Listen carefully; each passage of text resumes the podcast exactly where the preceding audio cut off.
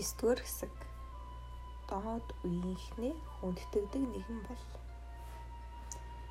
Энэ ертөнцийн дээрх хүмүүсийг өөрөөсөө хүчээр сул дорой нэг үл хүндтгэн доромжилдог хүмүүс өөрөөсөө хүчээр сул дорой нэг нэг хүндтгэдэг хүмүүс гэсэн хоёр төрөлд хуваадаг. Би тухайн нийгэмдээ томоохон амжилт гаргасан хүмүүсийг оюун санааны хувьд төвчээр хатуужилтай танилын хүрээхтэй жинхэнэ эр хүн шиг хүмүүс байдаг гэж боддог олон хүнтэй таардаг. Гэвч тэд хүмүүсийн бодож байгаагаас шал өөр танилын хүрээ ба нарийн торгон мэдрэмжтэй хүмүүс байдаг. Тэд олон хүмүүсийн таниж мэдхээсээ илүүтэйгээр өөрийнхөө хажууд байгаа хүмүүс ялангуяа өөрийнх нь доор ажиллаж амьдардаг хүмүүсээ л маш сайн мэдж мэдэрдэг хүмүүс байдаг. Тэгвэл тэдний өргөн далаацтай бат бэх цайз бит үнцэнтэй шилмэл сүлжээ хэрхэн яаж бий болсон юм бол? Энэ нь ам дамжсан цуурхал ярианы ач тус юм.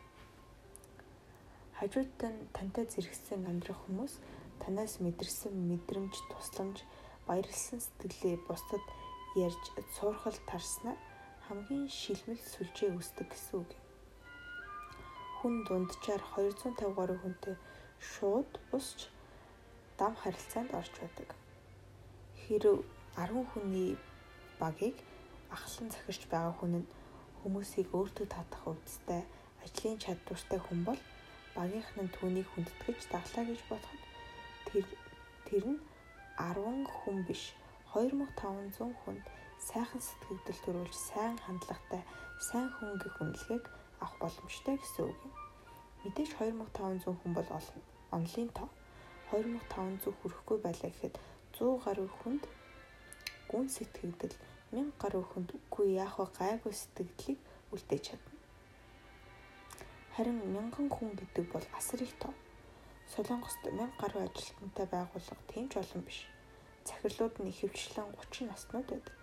Харин та 30 настайдаа байгууллагынхаа бараг бүхий л хүрээлэлд сайхан сэтгэл үлдээж байгаарай. Үлдээж байгаагаар ирээдүгөө хараарай. Ийм хүн амжилт гаргах ирээдүйдээ захиалга өгсөн нэгэнтэй л адил байдаг. Гэвч бидний эргэн тойронд амжилт ололтын тухай буруу ойлголттой хүмүүс маш их байдаг. Юу юунаас илүү даруй төлөв бай. Тийм хүн л хамгийн эцсийн шатанд үлддэг юм гэж ярьдаг томчуудаас илүү энэ хорвоо дээр чинь байна шүү дээ. Эцсийн эцэст муу сайн юмнууд л амжилтанд хүрдэг юм. Доорх ажилчдаа сайн барихынхаа хэрээр барьж дээд албан тушаалтнуудаа илгээж суглаад өгөхөөс буцахгүй амтд гэж ярих хүмүүс ч олон та. Дээр хөвгийг ямар ч шүүм шүүлтүүргүйгээр хүлээн авах үед өөрийн мэдлэгийг доороо ажилдаг хүмүүстэйгээ хамаа намаагүй харилцаж харин дээрээ ажилдаг хүмүүсийн өмнө бүхэлдсэн хотолцсон харилцааг бий болгодог. Тэгээд энэ байдлаараа аз хүртэл хүрдэг. Харин амжилт ололт хэмээх шатыг ганц хөлөөрөө алхаж гараад өөрийн болгочихдог зүйл огт биш. Дээд албан тушаалтнуудынхаа өмнө хүлээн зөвшөөрөгдөх, доод албан тушаалтнуудынхаа итгэлийг хүлээх гэсэн хоёр хөлтэй болж гэмээн өөрийн болгодог. Хэдий тийм боловч маш олон хүмүүс дээд албан тушаалтныхаа л нүдэнд өртөх гэж хичээцгээдэг. Тэдэнд доод албан тушаалтныхаа өмнө сайн хийж бүтээгсэн гэсэн сэтгэл огт байдаггүй. Тиймээс л амжилт гаргасан хүмүүс бага байдаг юм. Амжилт ололт нь үр дүнд бий болгодог хичнээн дээд албан тушаалтнуудаа сайн харагдлаа гэд бодит үр дүнг харуулж чадахгүй бол амжилт гэдэг зүйлийн загт нь ч хүрч чадахгүй. Та хичнээн сайн төлөвлөгөөгөө боловсруулж гаргалаач доод албан тушаалтнуудтай нь бүх бие зүрх сэтгэлээ хийхгүй бол сайн үр дүнч гарахгүй. Харин таны хийх гэж төлөвлөж байгаа ажилд доод албан тушаалтнуудтай нь бүх бие сэтгэлээ 200 хувиар дайчилахад тэрхүү бодит үр дүнгийнх чинь гардаг. Тиймээс та 20-30 наснда өөрөөсөө доогуур болон өөрөөсөө таарахын хүмүүсийг хүндэлж хайрлах сэтгэлтэй болох ёстой юм.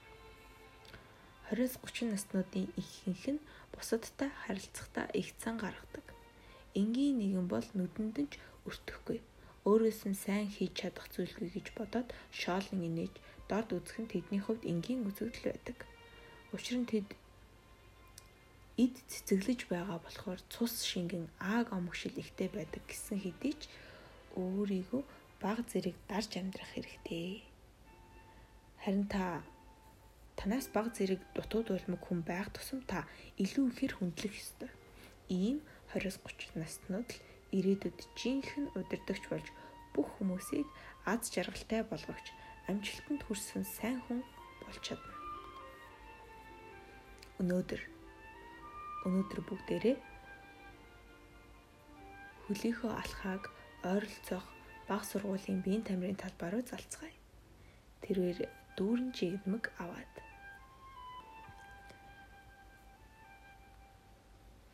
Тэвэр дүүрэн жигнэмэг аваад тэгээд биеийн тамирын талбайд жаахан хүүхэдтэй тарвал доош сууж хараагаа зэрэгцүүлээд хүндэтгэлийн үгээр өөрийгөө танилцуулаарай. Сайн байна уу? Би 25 настай. Миний нэрийг тэр гэдэг. Тэр үед өнөх хүүхэд ч бас тантай адилхан хариу үйлдэл үзүүлнэ байх. Тэгээд ярих боломж олдвол ярих зүйлээ энгийнээр ярь. Эхнээс нь дуустал нь яриагаа хичээнгүйлэн нухацтай хүндэтгэлтэйгээр ярь харин яриагаа дуусгасан бол таниж мэдэхгүй том хүнтэй цаг гаргах гарган ярилцсанд нь сэтгэлээсээ талархан өөрт байгаа чигнэнээсээ бэлгэл. Яриагаа дуусгаад харах үед тэр хүүхэд танд хүүхэд шиг харагдахгүй байх.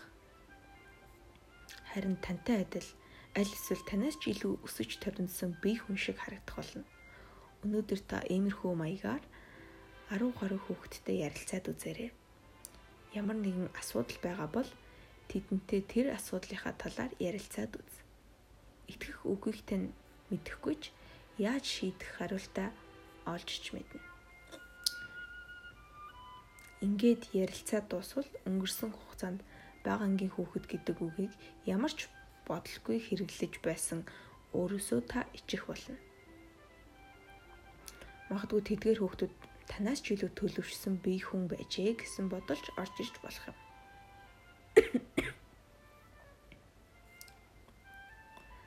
Баг сургуулийн хаалгыг хаагаад гарах тэр агшинд доод хүмүүстэйгээ өөрөөсөө насаар бага хүмүүстэй хүний ёсоор харилцах ёстой байдаг юм байна гэдгийг та ухаарах болно.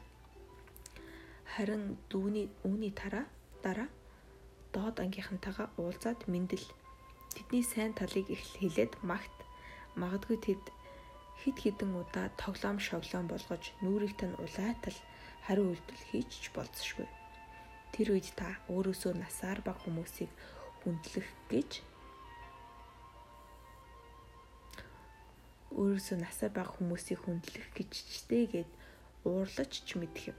Гэхдээ санаж сэтгэл хөдлөлөөр хариу үйлдэл хийвэл таны өөрийгөө өөрчлөхөөр оролдож буй хичээл зүтгэл усны хөөсмөд замхрах болно мөн ирээдүй танд ч замхарна.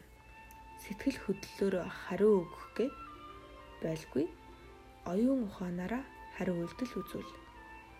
Та өөрөө доод ангийнхныхаа ёс бус үйлдэлт нь тааруулж ингэж харьцаж байгаа юм биш. Харин өөрөөсөө жаахан хүмүүсийг хүндэлж сурахын тулд хийж байгаа үйлдэл юм гэдгээ санах хэрэгтэй. Доод ангийнхныхаа нөлөөнд автах бус доод ангийнхан тань таны нөлөөг авах хүртэл хичээх хэрэгтэй үргэлжлүүлээд хамт ажилладаг хүмүүстэй. Жишээлбэл жорлон цэвэрлдэг хэн нэгэнд ч юм уу бүүдний жижүүртэй эхэлж мэдлээд өөрийгөө танилцуулан инхүү хэл. Бид бүхний төлөө ингэж их хичээж ажилтгахтай нь үргэлж баярлаж явдаг шүү. Цаашдаа ч гэсэн үргэлж минд мэдэж байх болно гэж хэл. Тэдгээр хүмүүсийн ажилд жаахан ч болов тусалдаг юм уу? Мөрийг нь жаахан барьж өгүүлж бүрч сайн энэ бүгдийг хийж дуусгахад сэтгэл санаа тань үнэхээр сайхан болно. Зүр сэтгэлээр дүүрэн одод гялалцах мэд сэтгэгдэл төрөх болно. Ямар ч ажлыг хийхэд анхны алхам маш чухал байдаг. Анхны алхмаа амжилттай хийвэл маргааш нас нь торох зүйлгүй доод ангийнх нь цэвэрлэгээ хариуцсан тэдгээр хүмүүстэй мэдлэх болно.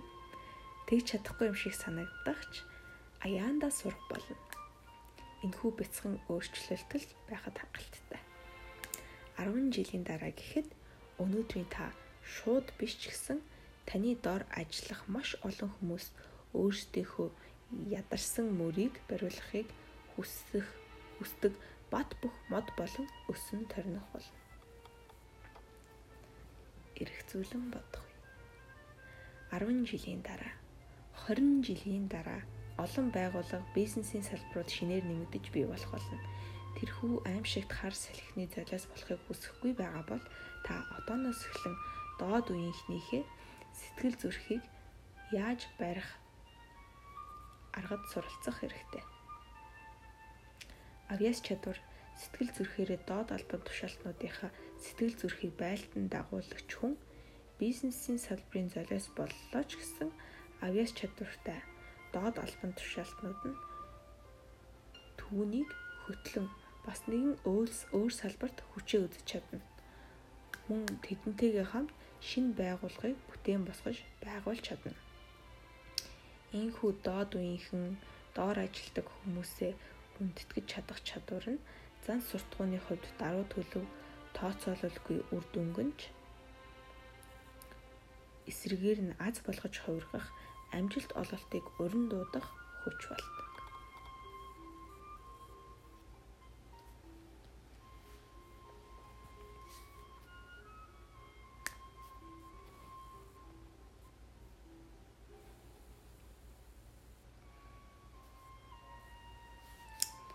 10 дугаар хэсэг. Харилцааны жинхэнэ ялагч бол 20-30 насны аль 1980 оны сүүлийн уран бүтээлд гардаг зохиолын сайхан мөрүүчиг үргэлж сайхан сонсогдож харагддаг үе биш юм. Энэ үедээ бүгд л зовлон шаналлалтай учирдаг. Хаашаа ч явсан хүмүүсээр зааж зааварлуулаад зогсохгүй, дорд үзэгдэж, дорой гэхэд дэндүү дороо нэгэнд тооцогдсон амьдардаг үе. Энэ үеийг азгүйтэл, бүтлгүйтэл, ичгүүртэй хар толботой үе гэж хэлж болох хэдий ч 20-30 наснуудын туулж өнгөрөөдөг л үе юм. Зовлон шаналл гэдгийг мэдэхгүй 20-30 наснуудыг 20-30 наснууд гэж хэлэх боломжгүй. Учир нь тэд оюун ухаандаа урдын л 10 настай жаахан хүүхдүүд байдаг. Бид бүгдээрээ л 10 наснда амьд биетүүдийн амьдарч өөрийнхөө мөрөөдлийг биелүүлэхийн тулд гэрээсээ явах. Бусдын дүрм журмаас татгалзаж өөрийн хүслээр амьдрах. Томчуудын амьдралын хэв маягийг эвдэх зэрэг зөрөгтэй зүйлүүдийг хийн гэж төсөөлж чаддаггүй. Зөвхөн хичээл ном л хийж амьдардаг. Тэр үед бид зовлон зүдгүүр гэж юу болохыг мэддэггүй байсан. Учир нь хичээл номонд л сайн явах нь 10 наснуудын хамгийн сайн хийж чадах зүйл гэж боддог байсан. Харин оюун ухаандаа өмнөх 10 настай үешгээ амьдардаг. 10-аас 20 наснууд маш их. Тэд хин нэгэн надад татгалзах вэ? Хүмүүст дор үзэгдэх вэ гэж айн нийгмийн хэв маягт өөрөө өөрийгөө зохицуулан өөрийнхөө чин хүслээс илүүтэй бусдын нүдийг хариулж амьдардаг. Харин энэ нь тэр чигтээ зовлон байдаг. Асуудал юунд байна вэ гэхээр ийм нөхцөл байдлын дунд хүмүүстэй буруу харилцаа тогтоох магадлал өндөр байдаг. Хоримтлуулсан туршлага гэхээр зүйлгүй мөнгө гэхээр юмч байхгүй авьяас чадваргүй гэж энэ тэндээсээ чичлүүлж нүдүүлэн амьдраад үзэхээр би амжилтанд хүрчихвэл би их мөнгөтэй болчихвол би алдар нэртэй болчихвол одоо надад хандаж байгаа энэ хүмүүсийн хандлага өөрчлөгдөж надтай ингэж хамаагүй харцаж чадахгүй дээ. Бүгдээр нь бүгдээрээ надтай найзалж харилцаатай байхын тулд хичээх л бах та. Зэрэг буруу бодлууд тээдэг. Гэвч энэ бүхэн нь үнэндээ эндүүрэл инээдтэй зүйл байдаг. Мэдээж амжилтанд хүрч алдар нэртэй баян нэгэн боллоо гэхэд хаан ч явсан таныг онцгой нэгэн мэд хүлээн авч бас сайхан харилцсан. Тэгээд бүгд тантай үерхэж нөхөрлөж чадахгүй байгаадаа бухимдаж цухалдах болно. Гэхдээ энэ бүхэн нь та бус танд байгаа таны бий болгосон зүйлдэл чиглэгдсэн байдаг болохоор асуудал үүсдэг. Хүмүүс тэмч тэнэг биш. Таны байгаа байр суурь албан тушаалаас болж мөнгнөөс болж алдар хүндээс чинь болж хин нэгэнд сэтгэл зүрхээ өгчхөр энгийн хүмүүс биш юм. Тэд сэтгэлдээ хүний эзэмшил болж байгаа зүйл гэж юу болохыг сайн мэдэж ялгадаг хэрнээ гаднаа хүн хүний эзэмшилд байгаа хүн хүний эзэмшил зүйл байгаа хоёрыг нэг болох гэж нэг болгох гэж хичээж байгаа нь тэр юм. Тиймээс та өөрт байгаа эд зүйлээрээ бусдад ойртон очихоосоо илүүтэйгээр би гэдэг хүн хөв хүнийхээ үднээс ойртон очихын тулд хичээж амьдрах хэрэгтэй. Тэгж байж л шунал хүсэл бус сэтгэл зүрхийг зүрхийг нь олж хүн бол хүн болдог. Хүмүүс хоорондын харилцааны дүрм энгийн боловч нарийн нягт зүй тогтолтой байдаг. Үнэхээр зүрх сэтгэлээсээ ойртон очсон хүн чин сэтгэлийг олдог бол өөр сэтгэлийг агуулж ойртсон нэгэн өөр зүйлийг л олж авдаг.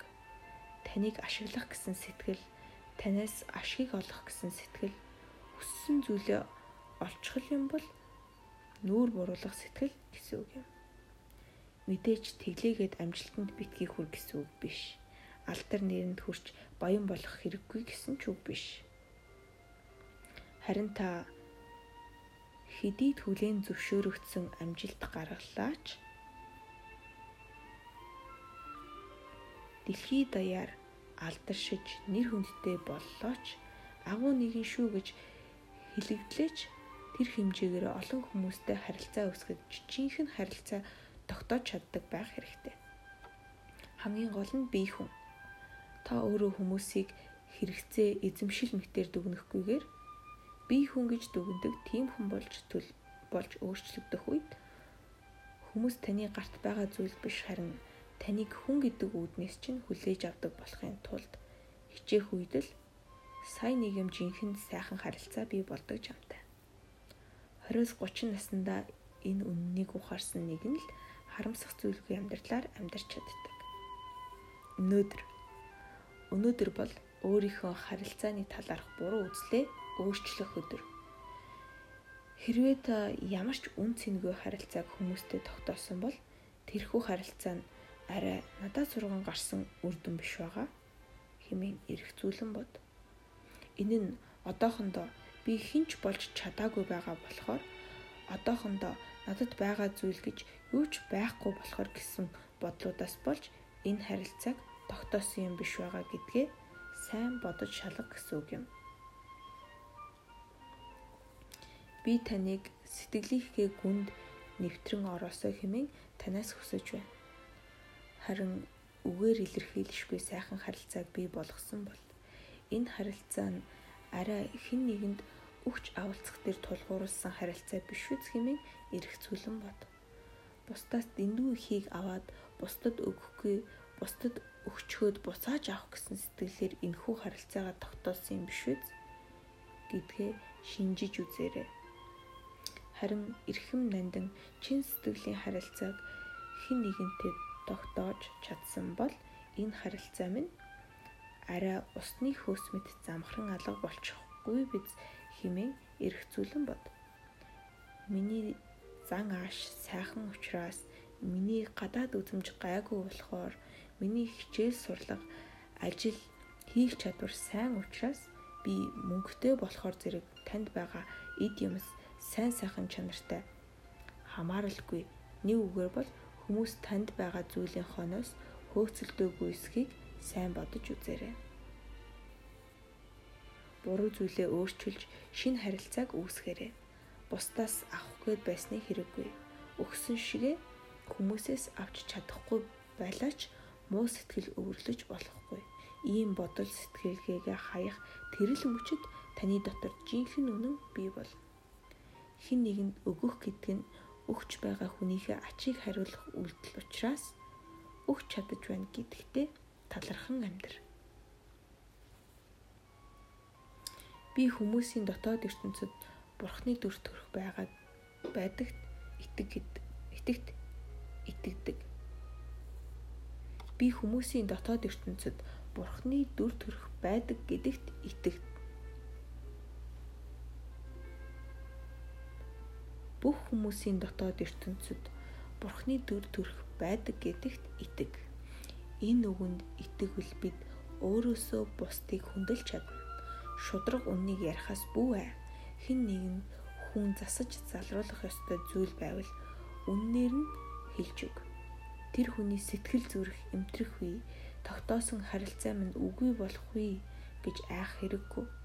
Харин сэтгэлд нь сэв хийчихгүй шиг маш зөөлөн өнгө аясаар харилцаа холбоогоо тасалчихгүйхэн шиг ухаалгаар хэлээрээ.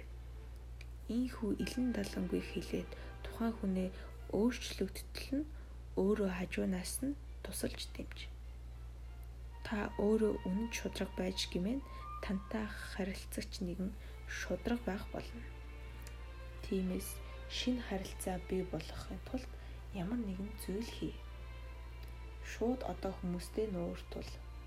Өдөр бүр уулздаг хүмүүстэй өнөөдөр шинээр уулзах хүмүүстэй шинэ харилцааны арга барилаа хэрэгжүүл таны үнэн шудраг байдал тэдгээр хүмүүсийн чин сэтгэлийг гаргаж ирэх хүртэл үнэн нэгэн хэвээрээ бай.